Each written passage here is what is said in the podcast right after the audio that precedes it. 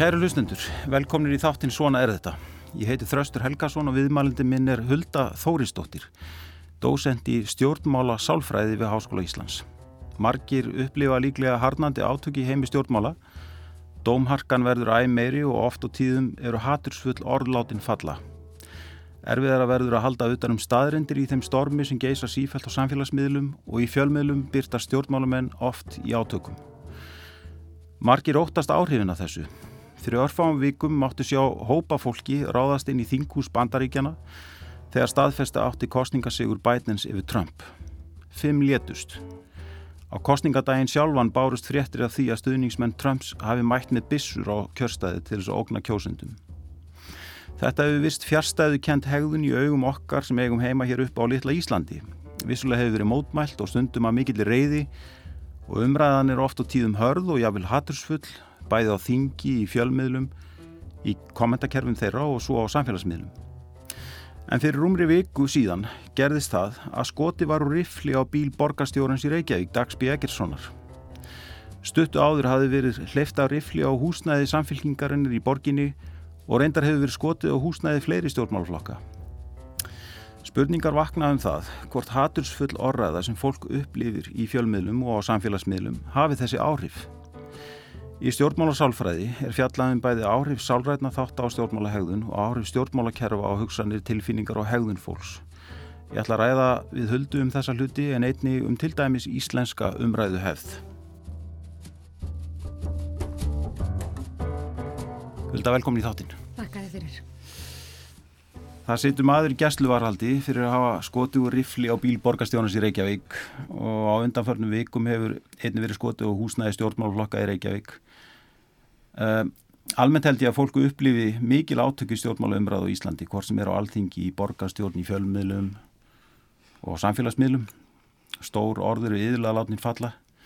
Er eitthvað samingi þarna á milli? Já, það er náttúrulega snemt að segja. Það er nú eitt af fyrsta sem ég kenni mínum nefndum í stjórnmálafræði deildi. Ég kenni þeim rannstónar aðferðar og tölfræði að draga ekki álítan út frá einu tilviki mm. Og ég held að sama gildi hér. Við vitum auðvitað ekki uh, nákvæmlega hvað þessum manni gekk til uh, um þetta atvik nógu mikið. Um, þannig ég veil í rauninni ekki neitt fullur um það. Uh, en auðvitað má maður ekki vera svo vísendilega sinnað að maður þurfa að fá að minnstakosti 60 tilvik áður maður getur gert nokkuð einhverstað þarf að draga mörkin Já. en ég held að við eitt tilvik þá, þá býðum maður og sér til Já. En hvort að umræðan uh, sé harðari og, og ósvífnari nú hefur áður verið við höfum í sjálfu sér ekki mæli hverða á það á Nei. Íslandi mm.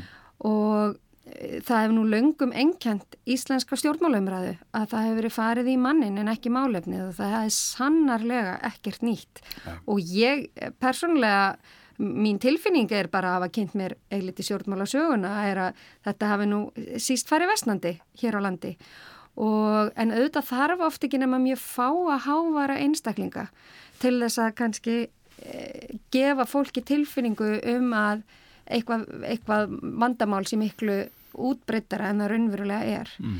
og mér finnst um, til dæmis ef við bara fylgjumst með uh, umræðinu á, á þingi og, og hvernig stemningin hefur í kringum ríkistjórnina núna síðastlið árum en hún hefur að fást við COVID-faraldurinn mm. það er nú ekki eftir að segja að það hefur einkennst af miklum átökum Nei. og skára væri það nú að það væri nú einhverjir sem að reysa aðeins upp á afturlappetnur og væri ósámála, það mm. væri nú ekki bjart yfir alþingi ef allir væri alltaf alveg sammála Já. og Um, en auðvitað kannski svona eru svolítið læti oft í borgastjórn það hefur nú verið um ansi langt skeið mm. Og eru hugmyndafræðilegar átakalínur og það, ég veit ekki hvort það er eitthvað við bara málefnin þar eða einhver vinnu, menning sem þar hefur skapast eða hvort það er fólki sem dregst að þessari pólitík auðvitað eru vantalega langflesti borgarfulltrúar og skup hérna og or, orðvarir og hérna en það er svona, já það verist vera meira um svona einhverjar þrætur þar mm. en það er engin spurning að auðvitað þrýst þessi umræða fyrst og fremst á samfélagsmeilum já. og ég get sagt fyrir mína parta og það er eflust margir sem geta tekið undir þetta að sko ef maður tekur sér langt hlið frá samfélagsmiðlum eins og ég hef gert mm. þá allt einu stórbatnar stjórnmálaumræðin það er eftir því sem grúiði meira onni í samfélagsmiðlu og mér finnst það kannski jafnvel hafa aukist eftir því sem svona það breytist alls hvernig fólk notar Facebook og margir hafa notað hana miklu minna en áður til dæmis Já. í kringum mig að þá eru kannski verða frekar eftir þeir sem að vilja nota Facebook sem sápuboks til að standa upp á Já og, og við vitum líka hvernig algoritmin virkar að þeir sem að fylgjast mikið með þeir sjá bara meira svona mm, mm. sem fylgjast mikið með stjórnmálumröðu mm. og þeir sem taka þátt í þeir sjá meira meðan þeir sem er alltaf að horfa á hundamindbönd þeir sjá kannski bara meira af hundamindböndum Já.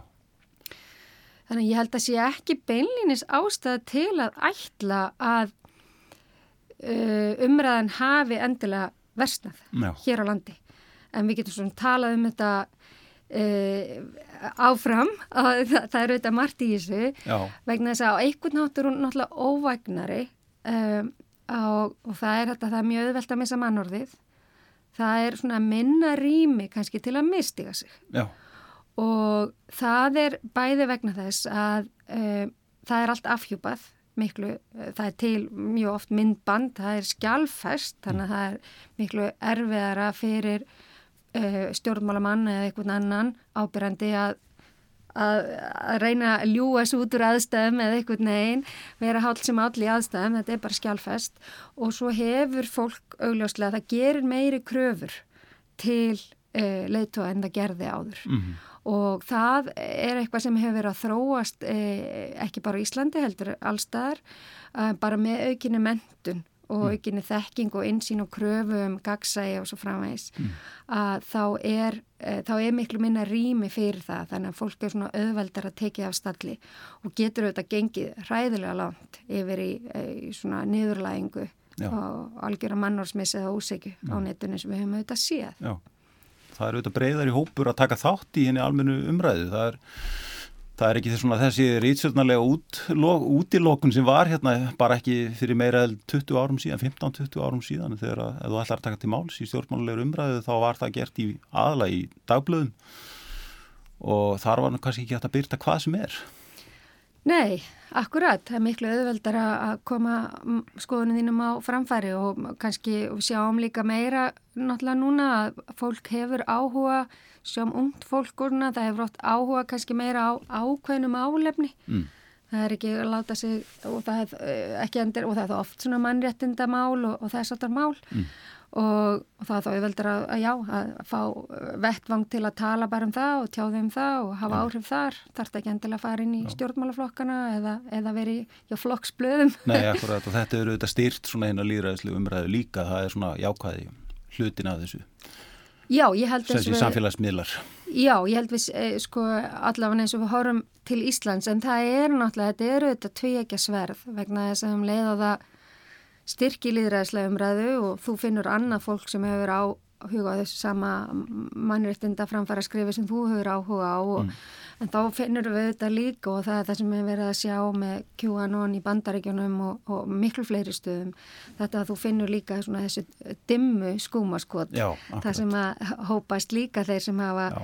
slíkar skoðanir saman um, en um, og, og náttúrulega kannski og þessu tengt náttúrulega ef að fólk er fyrst og fremst að fá fréttir sínar að samfélagsmiðlum en ekki verið ykkur um svona ekki allir að horfa á sama fréttatíman eða að lesa sömu miðlana þá auðvitað fyrir við að upplifa sem við búum með ólíkan veruleika Já. og það er, hefur auðvitað afleðingar Já. og le, getur leitt til svona þessara polariseringar eða skautunar Já En svona, eða þú metur svona bara almenna um, ofinbæra umræðu í Íslandi í dag, ennkynist hún þá ekki af miklum átökum og svona tilfinningarlegu uppnámi oft, eða, eða hvað með svona þú sem sálfræðingur, hvernig, hvernig myndir, ef þetta væri heimili, hvað, hvað myndir þú ráðleggja? Já. Ætti fólk aðeins að tóna sér niður eða? Sko, já, ég, það gildir náttúrulega um suma, já. en það gildir auðvitað alls ekki. Um ég mm. myndi segja meginn þar í stjórnmálamanna er nú bara ansi málefnalegur og, og reynir það og um, þannig að ég myndi, en auðvitað myndi maður, svona hef maður væri sálfræðingur þessa heimilis, kenna fólki að að þessar svona klassísku reglur að segja ekki alltaf þú, þú, þú Já. og ekki alhæfa Já. og, og fara ekki við í mannin heldur en, en freka málefnin. Já. En um, mér finnst þetta sjálfri, kannski get ekki endilega tekið undir að þetta sé stort vandamál en ég ítrekka þetta er mín tilfinning. Ég, það er ekki til rannsóknir eða samanbyrða rannsóknir af þessu yfir tíma eða þetta er bara svona tilfinning fólks og aftur tilfinning eitthvað annars sem kannski leifur og hærist á, í harðsvíraðir í stjórnmálumræða á Facebook með alls einna vina en með allt aðra upplifun en ég Já. sem er svolítið meðvita að kúpla mútu því. Einmitt. Uh, en talandu um tilfinningar, uh, við hvað fæst stjórnmála sálfræði og, svona, og þa þar koma tilfinningar aðeins inn í og, hvað, og við eigum að tala svolítið um þær hérna á eftir en, en svona hvers vegna ákast að sér að við í stjórnmála sálfræði, Hva, hvað vakti áhugaðin? Já, svo ég sværi nú fyrst fyrirspurningunni, stjórnmála sálfræði, ég segi stundum við beitum uh, aðferðum og kenningum sálfræðinar til að skilja stjórnmála tengda hegðun og viðburði mm. og stjórnmála sálfræði uh, fæst við um, hluti eins og aðskilja stjórnmála leiðtoga, um, fæst mjög mikið við uh, fordóma, Um, um, svona hugmyndafræði hvort sem mm. það er bara hefbundin vinstri hægri eða svona yktari öfga, öfgasjónamið uh, við skoðum samsæriskenningar uh, sálfræðina bak við þær ég hef talsveit fengist við það Já. við skoðum um, líka svona kostningahegðun og þáttöku uh, og allt upp í hluti eins og þjóðarmorð og svona stærri hópa hann frá einstaklega upp í hópa Einmitt og ástæðan fyrir að ég fór út í þetta er svolítið persónuleg saga Já. þannig er að ég flutti til New York á samt manni mínum þá kærasta uh, í ágúst 2001 mm -hmm. og þá ætlaði ég nú að vera æla svona praktísk og ætlaði að fara í dóttorsnám í vinnusálfræði uh, en síðan bara eru við búin að vera hérna í borginni í, í tvær vikur, finnum okkur húsnæði og ákveðum að fagna þessum áfanga. Hér erum við flutt til New York, við erum búin að finna okkur leiguýbúð sem að allir vita sem að flutt til New York er ákveð afreg. Og bara hvað er betra að halda upp á þennan áfanga og þetta við séum komin heldur en upp á efstahæði í týpuraturnum. Já. Og, og fórum, fórum fanga, mm. skálum og tveimundum setna, nú þá er þessi turn ekki lengur til. Já. Og ég fylgis með því þar sem ég stend út á götu uh, við New York University að þegar uh, hreinlega sé annan turnin hrinja. Já. Og það sem tók við náttúrulega létt engan ósnortin mm. og það sem að sérstaklega höfðaði til mín eða vakti forvitni mína var að sjá hvernig fjölmilar í bandaríkjunum spiluðu alveg rosalega inn á óttan og ég var alveg blöyt á baku eirung og þetta var það fyrst og, og bara alveg fjell killiflöt og fólk er kannski fljótt að gleima en við munum að í kjölfarið á 11. september þá var eiginlega svona stærsta ógnunin þarna í bandaríkjunum það var að vera að senda bref með mildisbrandi. Og það var þessi hætta og var alltaf verið að tala um mögulegan á að það erði mildisbrands árás í neðanjáralistinni. Akkurat. Og, og, og þá hérna, og ég lít nú, svona, tel sjálf með ekki testaklega lífrætta en það rann allt í upp svo dagur að ég þorði ekki að taka lestina í skólan mm. og tók strætó þó það tekið tvo tíma eða hvað nú var. Og þá hugsaði nú, nei, heyrðu þetta gengur ekki. Og ég fór og talaði við ráðgjafa hjá NYJ og náttúrulega sett upp svona alls konar ráðgjöf fyrir, fyrir okkur allir nefndurna sem hefur verið hana og, og ég segi heyrðu þetta er eitthvað skríti, ég er honni eitthvað svo hrætt Já, ertu, fylgistu mikið með fjölmjölum? Já, sko, ég horfi og les og, og fyrir hún bara, heyrðu, prófa að hætta í viku, sjá hvað gerist.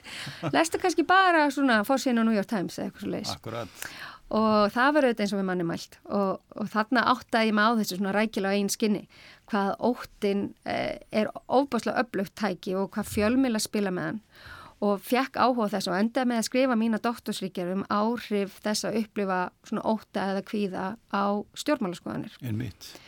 Og við, sko, það er svo margt í, í því við til dæmis sko, slingi stjórnmálamenn hafa lengi kunnað að spila Já. með óttan. Já. Og þetta til dæmis kunni uh, George W. Bush Já. að gera, hann er hans ráðgjafar. Þannig að þess að alveg sem við erum núna komið lita kóðunakerfi fyrir COVID eða alveg að setja í gang og fyrir óveður og þá er þetta náttúrulega líka til fyrir hriðiverka óg mm -hmm.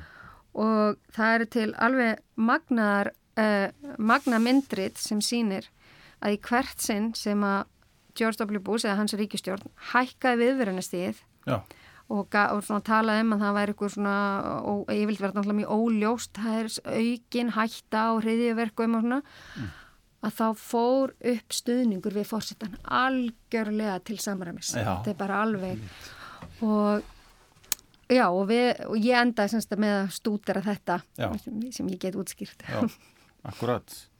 Sko eh, svona almennt séð eh, mynd maður líklega gerir á fyrir því að rauk væri svona megin uppistaðan í stjórnmála umræðinu en, en það er ekki endilega þannig er það? er tilfinningar eh, hérna, stjórnabæði umræðinu og, og kannski og jável ákvarðunum, kjósenda eða ekki að, að meira kannski en við viljum viðkynna Jú, svo sannlega tilfinningar er kannski hafa haft á sér slæmt orðspor þegar kemur að svona einhverju sem við kallum skinnsama ákvarðunatöku mm -hmm. Og Þetta var alltaf mjög kynja, þegar náðu fyrstu konur allt og tilfinningar saman til þess að yfir höfu geta verið í stjórnmálum. Ég held í státi í Arabi hafi verið saður og tilfinningar næmar til þess að hreinlega geta verið bílstjórar. Já. Þetta hefur verið notað viða í gegnum söguna en um, rannsakandur sem eru þá ekki dendali í að pæli stjórnmálum, þetta er almennt í ákvörnatöku. Um, þeir hafa gert mjög merkilegar uppgötanir og það sem þeir hafa uh, láti fólk annars vegar heilbritt fólk og hins vegar fólk sem er með svona, uh, svona afmarkaðan heilaskaða. Það er yfirleitt stórmerkileg viðfeng fyrir, fyrir sálfræðinga og hugfræðinga, Já. fólk sem er með svona afmarkaðan heilaskaða. Mm. Funkar mjög vel en það er einhver heilastöð sem er e, yfirleitt eftir einhvers konar sliðs eða eitthvað þannig sem er sköttuð. Og það er þá til þetta að í rauninu upplifa ekki svona neikvæða tilfinningar, ekki óta og ræðslu og, og upplifa ekki slíka mm -hmm. tilfinningar. Já. Og uh, en á öðru leiti við erum algjörlega, algjörlega í lagi mm -hmm. og sko rannsóknir hafa sínt að fólk sem getur ekki upplifað þessar neikvæða tilfinningar, það er lengur að læra að taka góðar ákvarðanir um, í, í tilrönd þar sem það er ferlið, þú ert að dæma, þú færð eitthvað áreiti og tölvuskjá og þú ert að læra eitthvað ákveð minnstur, þú ert að læra hvort þú ert að flokka þetta vinstri eða hægri eftir eitthvað, svona eitthvað regla sem þú ert að læra sem er kannski svolítið flókin Já. og smátt og smátt eftir margar umferðið þá lærist hún og sem sagt fólk sem að upplifi tilfinningar það lærir það fyrr mm. heldur en fólk sem upplifir engar neikvæða tilfinningar og ástæðan er svo að tilfinningarnir eru svo óbáslega gaglegt kænslutæki Akkurat. En að sko tilfinningar eru algjörlega, þær eru nöðsynlegar og þið getur nú ímyndað að, að tilfinningar lög stjórnmálamæður væri ekkert sérstaklega góðu pólitíkus. Mm. Um, en svo eru þetta uh, tilfinningar uh, geta, það er hægt að spila með þær. Mm og stundum með árangri og stundum ekki eins og ég tala með George W. Bush þannig að keirir upp eða hans stjórn og ég er ekki að segja að það hefur gert ósökju en í mm. hvert sinn sem áhættu stíði var ekki þá jógst uh, stuðningu við hann um, Machiavelli um, sá gamli spekingur uh, skrifaði bókina The Prince sem er þitt fyrstinn held ég alveg á íslensku og þar uh, er hann að ráðleggja um, prinsessinu með fyrstanum, er einhverjum í Ítalju og hann segir sko það er best að vera bæði uh, elskaður og sérst, fólk óttistig, mm -hmm. feared and love Já. en ef þú þarfst að velja þá er betra að fólk óttistig mm en elskiði og þetta er náttúrulega mjög makki að velja nýst ráð já, já.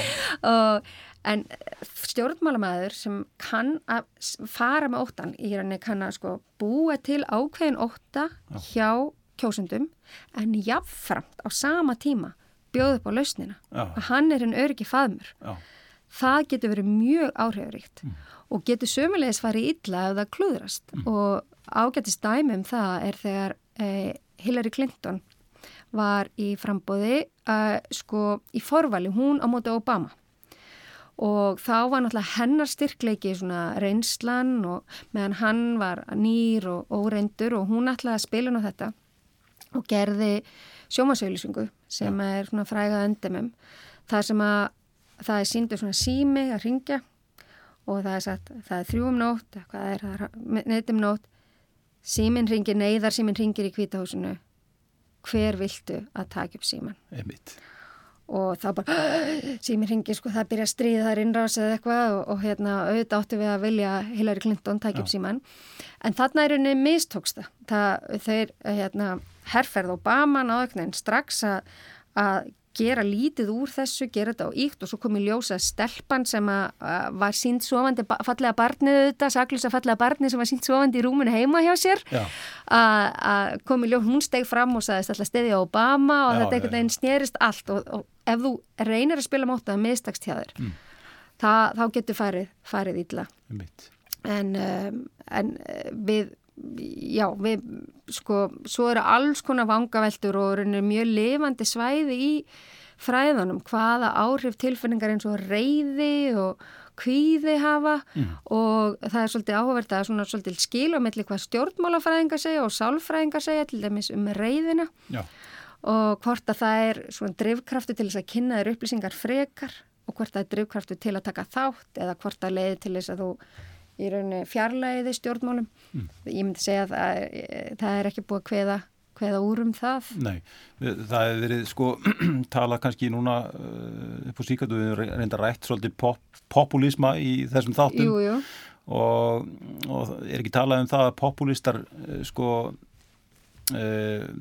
gerir sérstaklega út á tilfinningar fólks.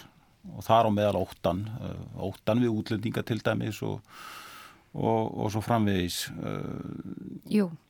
sko, er, er, þetta, er þetta ekki rétt semst, að, að, að það, eru, það eru þeir sérstaklega sem eru að, að nýta sér þessa Jú. sambandi á milli hérna, stjórnmálulegra hugmyndafólks eða, og svo óta á annari tilfinninga? Jú, það er leikur engi vafa því mm. að slingur populísku leiðtögi hann er flinkur að spila mótan mm -hmm. og og oft er það eh, búið og er þeir oft mjög flinkir að búa til ímyndaðan óta mm. eins og við sjáum að í, sko það er ekki sko svona populískar svona hægri, pop, nú getur populismi verið til vinstri og hægra megin en við tölum um svona hægri þjóðurnispopulisma að þá e, sko er, hafa, hefur leiðtöfum víða um lönd tekist að að búa til mikinn óta við og yfirleitt er þetta muslimskir innflytjandur eða eitthvað mm. svo leiðis sko í rauninu alveg óhóð því hversu hátt hlutfall muslima er í landinu Já. og það er það sem er svo merkilegt mm. að þetta er, þetta er rauninu bara hvað eins og þetta hefur verið bæði í Pólandi og Finnlandi sem er mjög látt hlutfall mm. uh, muslima að þá hefur samt sko þessum uh, reyfingum vaksi mjög fiskurum rík einmitt á þessum fórsundum sem er alveg stórmerkilegt þannig að þú nærð að búa til þennan óta með sannfærandi hætti mm. og já Þú varst út í Abu Dhabi, það ekki bara fyrir stuttu hérna, að kenna þar við háskóla Já. og hefur, hefur vantalega komið svolítið inn í, komstu svolítið inn í svona þann hugmyndaheim sem þar er?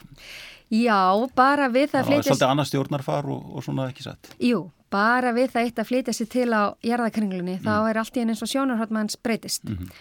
Þetta sér maður aðra fréttir og maður kynist öðru fólki og heyrir aðra samræðir og alveg meira átt að tækifæri fyrir einhvern eins og mig. Já, ég var hérna í tvö ár að kenna við New York University mm. sem er merkileg tilrönd hann í eðimörkinni. Jújú, jú, og þar um, er upplýst einræði Já.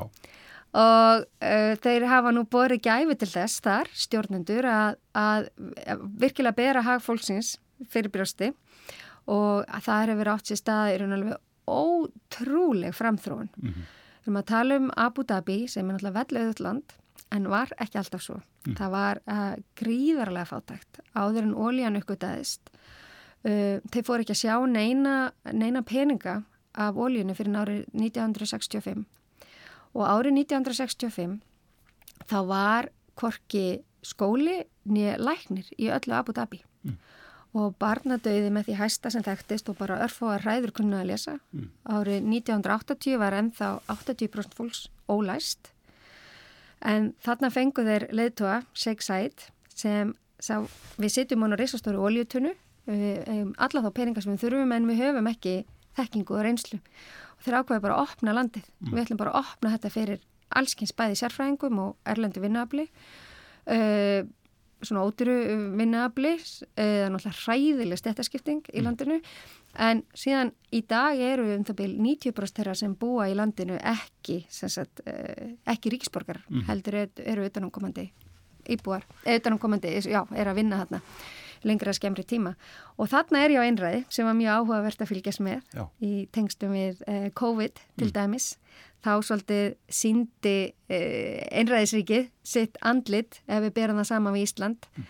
það voru engin svona opnir upplýsingafundi þar sem átti spyrja hverju sem er en það náttúrulega har bannaða gaggrina ríkið mm. og og þá var um, já þá voru bara komið bara tilkynningar um um hvað skildi gera mm. og e, e, auðvitað engin stjórnmálumræða í því landi. Mm. Þannig að þú getur sagt, já það er stjórnmál ofsalega fallið, það er engin að rýfast, það er allir góðir og glæðir. Já. En við vitum ekkit um það, en það þrýfst engin umræða. Nei. Þannig að hugmyndafræði er ekki svona ríkjandi þáttur í, í hérna, stjórnmálum þar. Já, það er auðvitað hugmyndafræði og, og það er nú svolítið skemmtilegt að... Hugmyndafræðilega umræða þar og átök og einmitt námskeið sem ég kendi þarna úti hétt sko hugmyndafræði. Ég var að kenna allt frá kommunisma til feminisma og svo framvegis og fari yfir þetta með nefndum en það eru reyndar nefndur í þessum skóla eru allstaðar á heiminum og, og, og bara örfa á er frá landinu. Mm. nei, þar í rauninni eh, þrýfst ekki slík umræða. Mm. nei. Uh, sko áfram með stjórnmála skoðanir og hugmyndafræði sko þú hefur skoðað tengslinu millir stjórnmála skoðanir og lífs ánægi og hamingju eru, eru kjósundur eins flokks hamingju samar en kjósundur annars flokks? Já það mögulega mm. um, þetta eru nú svona meira verið rannsóknir uh, í bandaríkunum og, og Evrópu en það kemur stöðut fram uh, eða semst ítrykka fram samband á milli þess að vera til hægri mm. segjast vera, spyr fólk sjálft mm. hver staðsutur þið hérna á vinstri hægri hverðan og fólk uh, gerir það þá miða við sínar eigin fórsendur að fólk sem að er til hægri það er að jafna eildi hamingsamara mm. og einni þá bara spurt hversu spurt um lífsánægi eða hamingi, það eru nokkara leiði til að spyrja um það Já. og þetta kemur fram ítrekkað og virðist e, mögulega þessar aðdeklisvert sérstaklega einn rannsvotn í bandarækjana sem síndi að fyrir ykkur um 30-40 árum síðan þá var ekki þessi munur. Já. það minnst að kosti miklu minni. En eftir því sem að svona ójöfnuður hefur aukist í bandarækjanum að þá sjáum við að, að hægri menn hafa konservatífi sem svo talaðum það í bandarækjanum að valda áfram að vera jafn hamingisamir en, en liberals, vinstri menn ha, hamingja þeirra hefur, hefur minkað Já og almennt ríkir sko þetta er svona það er önnur, önnur annars svona hugtak sem er ansökum í stjórnmála sálfræði sem heitir það svona tilfinningina tilnægingi til að réttla þetta kerfið sem mm. við búum við öll til eru við mörgum kerfum allt frá hennu smæsta sem er kannski fjölskyldan upp í þið stæsta sem er þá ríkið sem við búum í og uh, það er svona partur af bara okkar svona sálrænu þörf í rauninni til þess að trúa því að samfélagi að kerfi sem við búum inn í sé réttlátt, sangjant, fólk uppsker eins og það sái mm. og e, við höfum þetta þó í mismiklu mæli þessa, þessa tilneyingu til að réttlæta kerfið og rannsóknir hafa sínt að eftir því sem að við réttlætum kerfið meira sem við búum við mm. því hamingisamar eru við Já og þetta er náttúrulega mjög lógist að maður hugsa út í það. Það er auðvitað erfitt að vera alltaf á móti kerfinu, vera fúll og finna slutinir ósangjarnir og mm. það, er, það er erfiðara hlutskipti. Mm. Uh, auðvitað er það það sem veldur einhverjum breytingum og það er nöðslega hlutskipti. En, uh, en já, við sjáum þessi tengslan á milli og sömulegis að sjáum við að almennt gildir að eftir því sem hún lengra til hægri því líklegri ertu til þess að réttlata kerfið sem þú býr við hverju sinni eru alls konar aðrar breytur líka. Já, en sko svo líka samlíðan með öðru fólki, er það eitthvað munur það á kjósundum flokkan, hvað það var þar? Já, um, þetta er nú svona, um, það er ímislegt sem bendir til þess að þetta svona samleðan eins og hún er mælt mm. um, sé svona meiri hjá mæl, mælist herri hjá fólki vinstra megin Mm. á rófinu Já. á rófinu, á stjórnmála rófinu eh, sem að náttúrulega eins og sagt á ennsku að bleeding heart liberal Mm. og, og það er svona meiri þá, já, umhyggja með eh, svona þeir sem minna meiga sín en þetta er samt, sko, skildi vara sig að fara í miklar alhefingar þarna Mm. og vegna þess að við vitum til dæmis uh, og aftur, náttúrulega mikið af svona rannsóknum eru bandariskar Mm. og, og það er auðvitað erfitt, við getum aldrei heimfært fullkomlega heið bandariska hægri vinstri Nei, yfir akkurat. íslenska hægri vinstri og það þarf að taka það með mjög miklum fyrirvara. Já, Þó ef ég sé mörg svona svipið minnstur hér heima, ég þetta safna fullt af gögnum hérna á Íslandi, já, uh, ég sé oft yfirlega, sé sambarileg minnstur í bandaríkjunum en bara veikari. En eins og við í bandaríkjunum til dæmis að þá er, sko, sjáum við mun að, sko, þeir sem eru konservativ, þeir eru líklegri til að, sko, hugsa meir um sinn innhóp, sinn nærhóp. Og hvort sem það er þá eins og í bandaríkjunum ofta meðlimir í þinni kirkju, eitthvað svona alveg í nánasta samfélagi og, og veita sko huga að velferð þeirra meðan þeir sem eru til vinstri er að hugsa kannski aðeins svona víðar, þeir eru meira að spá í kannski þá heimilislausum í þeirri borg sem þeir eiga heimi eða almennt að svona áherslu munur já, á því svona, og almennt sko sína rannsóknir eins og í bandrygjum að hægri sinna þeir eru meira í þessu svona innhópurinn skiptur aðeins meiri máli. Mm. ég myndi halda að, að það væri náttúrulega bara ágætt að hafa þetta í bland. Mm. það er nöðsulegt að semir hugsa um nærhópin og Já. aðrir aðeins fjærhópin og þá er ég auðvitað að tala um ég er auðvitað ekki að tala um þess að við sáum ráðastinn í þinghúsið í Nei, bandaríkjunum. nei, nei, við erum bara að tala um hinn dæmigerða Já. uh, republikana Já. Sko, þú nefndir aðeins uh, hérna í upphafi að þið, þið svona skoðið persónleika eða, eða leiðtoga til dæmis í, í stjórnmálum. Og uh, maður velti fyrir sér sko sko já í fyrsta lagi er eitthvað eitt frekar en annað sem enginni þá sem leggja fyrir sig stjórnmál er, er, sko, er, er ekkert að setja puttan á það Já, nú ertu sko að fara með múta hálan ísmaður. Já. sko, auðvitað uh, segir sér sjálft að það er enginni fólk sem hefur fyrir út í stjórnmála það vil hafa áhrif á umhverfið sitt. mm Og, um, en það enginnir náttúrulega sko bæði fólk í stjórnmálum og aðra bara sem sækjast eftir svona leiðtóa hlutverkum. Mm. Það er í stjórnmálum eða stjórnun fyrirtæki eða annars konar leiðtóastörf að, að þeir eru svona líklegri slíkir einstaklingar til þess að hafa meiri svona viðurkenningaþörf Mm. til þess að uh, náttúrulega augljóslega sækjast eftir völdum að hafa svona power, need for power mm. eins og við uh, á ennsku um, og þú finnur líka að þú sko þó það sé langur vegu frá því að það eigi við meira hluta stjórnmálamanna eða annar leiðtóa sko ef þú finnur svona narsisista ég veit nú ekki sjálfsdyrkanda, ég veit ekki hvernig það hefur verið þýtt á Jú. íslensku að þeir eru, þú, þeir eru líklegir til þess að hafa komið sér fyrir eitthvað staðar í leiðtóastöðu þar sem þeir fá svona aðdáin og, og viðkenningu og fá að leiða og svo framvegis.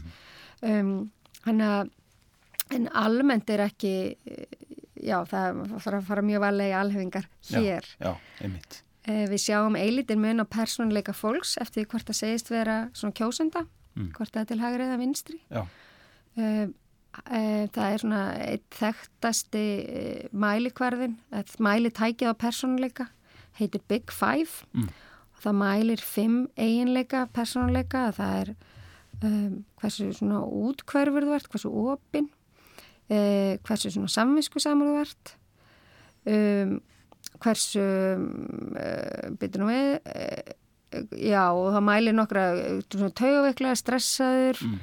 og, og svona hversu svona viðfeldin Já, þú ert sem dæmi. Og rannsóknir sína ítrekkað smáægilegan mun en þó kemur oft fram að þeir sem að eru til hægri segjast vera til hægri Mm. þeir eru að jafna aðeins svona saminskusamari mm. þeir sem eru til vinstri og þeir sem eru til vinstri, þeir eru yfirleitt svona aðeins herri á þessu svona openness, það er svona að vera opinn fyrir nýjum upplifunum og, og svona for, ákveðin forvitni og mm. kannski fordómaleysi mm. og sömuleiðis eilit, eilitið, en það er nú ekki alveg eins ljóst, en mögulega eilitið herra á þessar svona viðfældni. Mm. En þetta er ekki stór munur, það ef ég segði þér hvað einhver stendur og einhverju persónleika þá getur þú ekki sagt já, hærs er öruglega konservativ eða liberal, mm, þetta er já. langt í frá að vera svo stórar, stór áhrif. Já, en uh, heldur þú að, að skinnjun fólks á stjórnmálamönnum, þessum kartirum sem við erum að tala um, hafi breyst, eru þeir hugsanlega fjarlægari með einhverjum hætti en, en þeir voru? Uh, og það er kannski öfust nú þegar, þegar sko um, svona í þeirri nála sem fjölmur og samfélagsmiðlar skapa uh, en, en kannski eru stjórnmálamenn uh, fjarlægari þar heldur en, heldur en annað fólk eða, eða hvað, hvernig svona hvernig, uh, hvernig uh, hefur það breyst hvernig almenningu skinnjar stjórnmálamenn Ég er henni uh, aftur kannski bara að vísa til þess að við höfum ekki beinleins rannsóknir um það mm. þannig að það er erfitt að segja auðvitað hafa þeirra mörguleiti fæst með nær fólkinu með aðgengi á samfélagsmiðlum mm. og Ísland hefur auðvitað ekkert stækkað þannig að ráði að, mm -hmm. Að það gildir enn að þetta er kannski Jói Frendi eða Bjassi sem var með þér í Bekki Gaggó mm. sem að og hérna Jóna besta vinkona mömmu sem er á þingið í, í sveitastjórnunni -hmm. Þannig að Íslandi er auðvitað út af smæðinni uh, hjá flestum, auðvitað ekki öllum, auðvitað eru fólk hópar mjög misnánir, mm. nátengtir uh, valdahópum mm. en um, það er ekki endilega ástæða til að ætla, auðvitað það sem gerðist náttúrulega við hrunið er að það hríðfjall trösti stjórnmálamanna. Uh, og með þeim aflæðingu sem því fylgir. En eh, hvort þeir hafi orðið fjarlægir fyrir vikið er, eh, er erfitt að segja. Já. E, og kannski komum við þá aftur að, að svona umræðun í íslensku íslenskri stjórnmála umræðu e, e, er eitthvað hægt að gera svona til þess að að spórna gegn hatursfullur orðræðu uh, og svona þessum hörðu átökum sem eru er eitthvað, sko, er raunhæft einhvern veginn að vinna gegn því með einhverjum hætti? Já, ég held að sé raunhæft. Það er kannski svolítið eins og að snúa við flugmóðskipi, það mm. mun ekki gerast á einni nóttu. Nei. En ég held alveg eins og bara stjórnan sem vil breyta fyrirtækja menningu í stóru fyrirtæki, það er hægt með sameinlu átæki, mm. uh, auðvitað þurfa þar stjórnmálamenninir að leiða með því að beita sér fyrir málinnilegri umræðu. Mm. Og það getur haft mjög mikið að segja.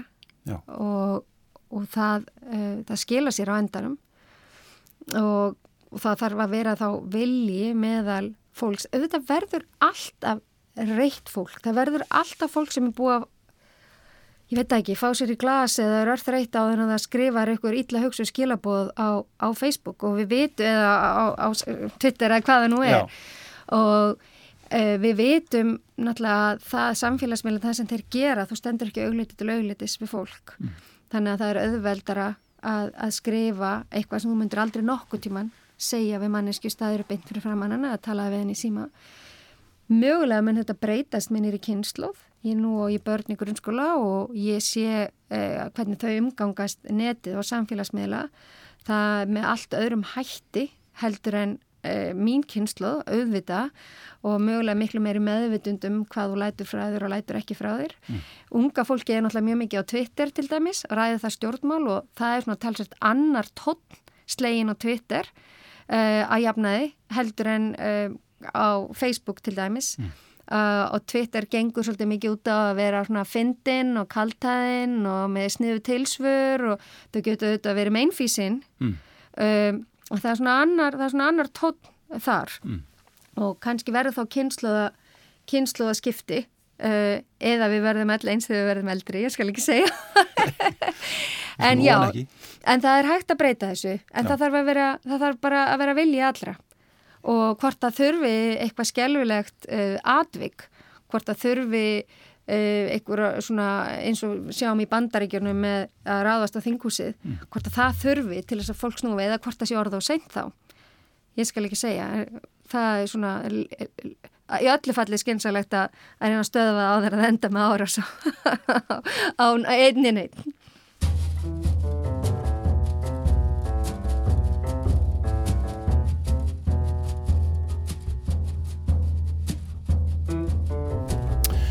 Kæri hlustundur, ég heiti Þraustur Helgarsson og þið eru að hlusta á þáttinn Svona er þetta.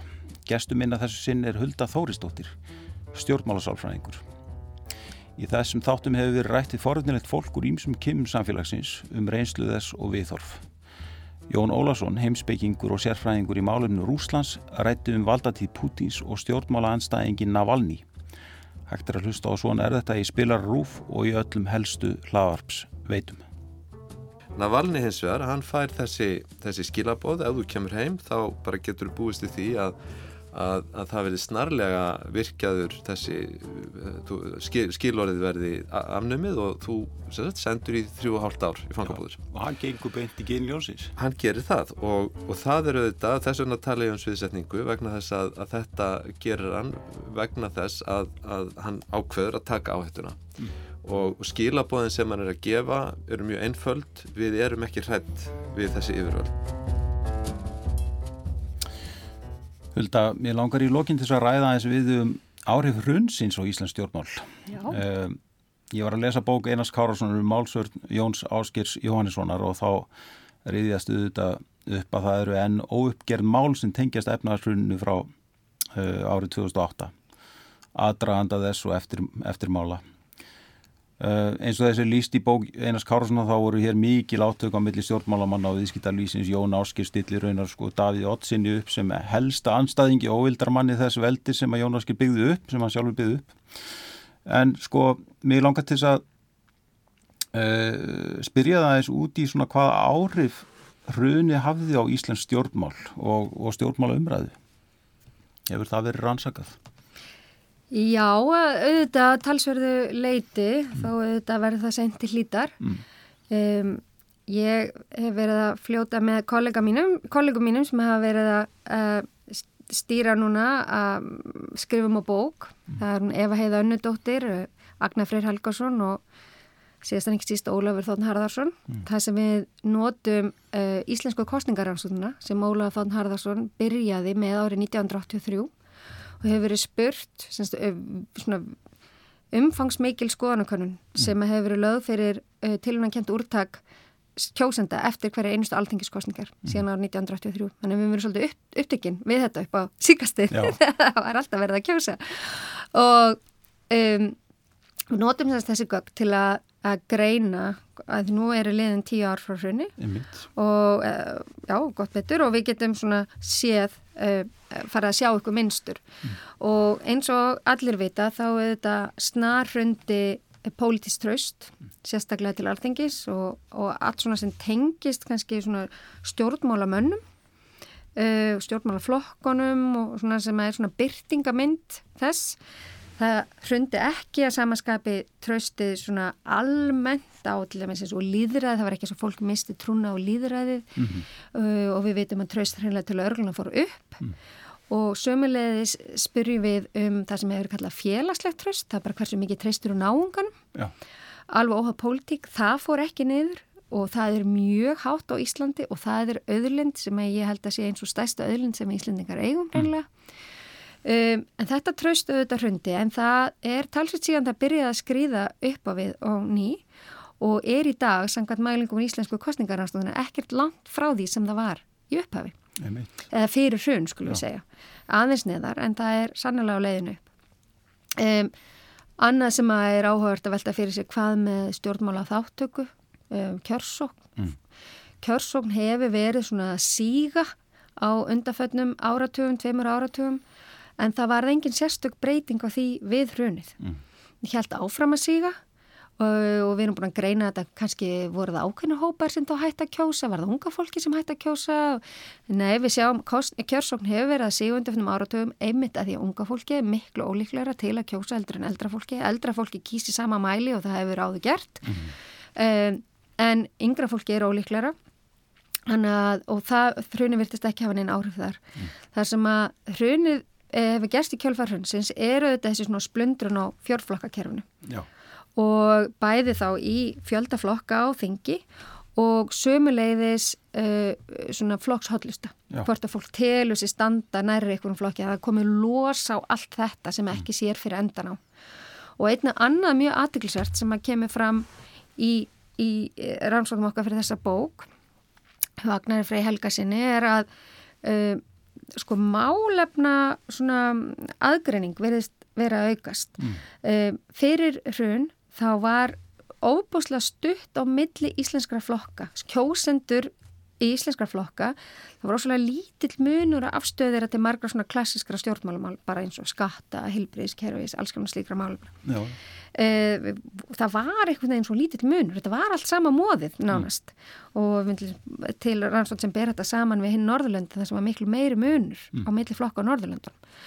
Þetta hefur aukist núna Það er orði meiri svona pólitík, meiri, ef svo má orði komast, þar að segja, meiri munur í hugmyndafræðinu og milliflokka sem er ekkit endilega slæmt. Nei. Það verður bara, þá kannski meiri líkur á fólk finni flokk við sitt hæfi mm. þegar það er að kjósa. En auðvitað þarf að gæta sína þetta, fari ekki út í ykkur og svona ruggbandaríska skautun þar sem að fólk telu vera alveg heimin og hafa á milli milli flokka sem enda rannsóknir sína svo að er yfirleitt ekki næstu eins mikið og fólk heldur þessi. Já, einmitt. Þannig að þetta eru svona þær breytingar sem við, sem við sjáum. Já. Hvað helstar? Uh, það, það er náttúrulega ennþá verið að gera upp þetta hrun. Jú, jú, það. Og, og líklega á, á það uppgjör eftir að halda áfram Uh, maður upplifir það svolítið þannig að átök hafi aukist halsvist mikið bara svona pólitíska átök uh, eftir hrun eða í hrunin og eftir hrunið mm uh, sko hefur þú sömu tilfinningu fyrir því og heldur að það sé kannski hluti af þeim því sem er að gerast núna í Íslands stjórnmálum Já, ég sannlega svona í kjölfar hundsins að vera ekkert á milli mála mm. það var alveg ógurlega mikil átök mm. í stjórnmálunum og, og bara fólk undir hreinlega miklu álægi og ekkert skrítið að, að það hafi ímislegt svona gerst og erfiðar ákvarðanir sem mm. var mikið undir og kannski ekkert alltaf allar rétt teknar þó að mm. fólk hafi verið að reyna að vanda sig og einmitt sko skortur á trösti þannig að það var, hefur verið miklu minna sveigurum fyrir stjórnmálamenn til að minnstiga sig. Mm -hmm. Bara ímyndað er út í hjónabandi og annar aðilin heldur framhjá mm -hmm. og það kemst upp um það að þá má náttúrulega viðkomandi ekkert mikið mistiga sig á næstu árum mm -hmm. og hérna til þess að, að því það er tröstið er allt mjög, og sko segjum að hjónin ákvaða að reyna að láta Já, þetta ganga. einmitt. eins og í tilviki náttúrulega íslenskra stjórnmálaflokk og, og kjósenda. Við, við erum sittum uppi með hvert annað. Við, við, hérna, við getum ekki alveg skilið þó fólk að reynda að stopna nýja flokkar og svo frá meins, mm. en það er, já, þannig að það tekur bara mjög langan tíma að byggja upp tröst og það er síðan að þetta rjúfa þá einni nóttu Amen. og það má ekki gleyma því að þetta auðvitað líka mikil áhrif á stjórnmálamennina sjálfa þó að það voruði feikilega mikil enduníun á þingmannum að þá þú upplifir stanslust að heyrir, þér er ekki treyst og fólk verður hérna einhverja óbeit og stjórnmálumönnum og eitthvað segir eitthvað svona mm. uh, niðurandi hlutum stjórnmálamenn uh, auðvitað hefur þetta áhrif á stjórnmálamennina sjálf mm. þeirra sjálfsmynd og þeirra hugmyndir um hvernig þeir eru og hvernig orðræðin eigi að vera þannig þetta, þetta svona uh, talar allt onni hvert annað Já. ég held já, ég minna þetta mun taka auðvitað langan tíma að vinda ofan að þessu en ég held við séum komin svolítið langt já. með það já. og, og einhvern hátt var það ákveðin blessun fyrir stjórnmálin að COVID kom já. í ljósið þess að þau tóku skynnsamlega á við það að þá hefur skapast meira og ég minna ríkistjórni núna nýtur talsuströst mm og aðtiklisvert eins og verið benda á ríkistjórnin nýtu meira tröst heldur en flokkarnir sem að, nefndu meira stuðning sem flokkarnir sem myndana mm. og En hvort við gerðum fyllilega upp hrunið, hvernig gerum við fyllilega upp svona atbyrð? Mm -hmm. Við náttúrulega reyndum mjög margt sem tókst vel og annað síður. Mm. Við gerum rannsnaðskíslu alþingist, það var ennbætti sérstak saksóknara, það var enda stjórnlaðing með nýja stjórnaskra og, mm. og alls konar flokkarnir fóru settu, gerði alls konar úttektir á uh, hérna sinni starfsemi og það var ímislegt reynd. Mm. Sumt skilaði ykkuru, annað dagaði uppi Uh, og annað mistókst og það er náttúrulega ekki við öðru að búast mm. um, ég veit ekki sjálfur sér hvað við hefum geta gert uh, maður getur nefnt tínt eitthvað til það er betur gert þetta svona og ekki svona. En ég held við getum sannlega sett við hefum reynd Já. Uh, Tímin er nú að hlaupa frá okkur og er eiginlega hlaupin frá okkur. Mér, mér heyrst þú vera svona frekar bara ánað með Íslands stjórn Já, já, já. og umræðina og það er svona alltaf réttur leið Ég er kannski bara, þú hittir á mig þannig í dag ég sé góðu skap, en ég er nú svona tilnæðingu til að sjá að glasi sé hálf fullt það er nú kannski svolítið mín svona bara viðhótt til lífsins ég ræði eiginlega ekki við annað hvað það er nú til betra að verra en já, ég held að ég bara sérstaklega þegar maður er búin að vera að horfa svona mikið til bandaríkjana já. og Breitlands og svo margra annara land já. að þá er ekki hægt annað en að telja hlutin en séu nú bara í ágættismálum hér á Íslandi Það er örgulega rétt hjá þér Takk fyrir komuna, Hulda. Mín var ánæginn, takk. Kæri hlusnundur, við verum hér aftur að viku liðinni. Góða stundir.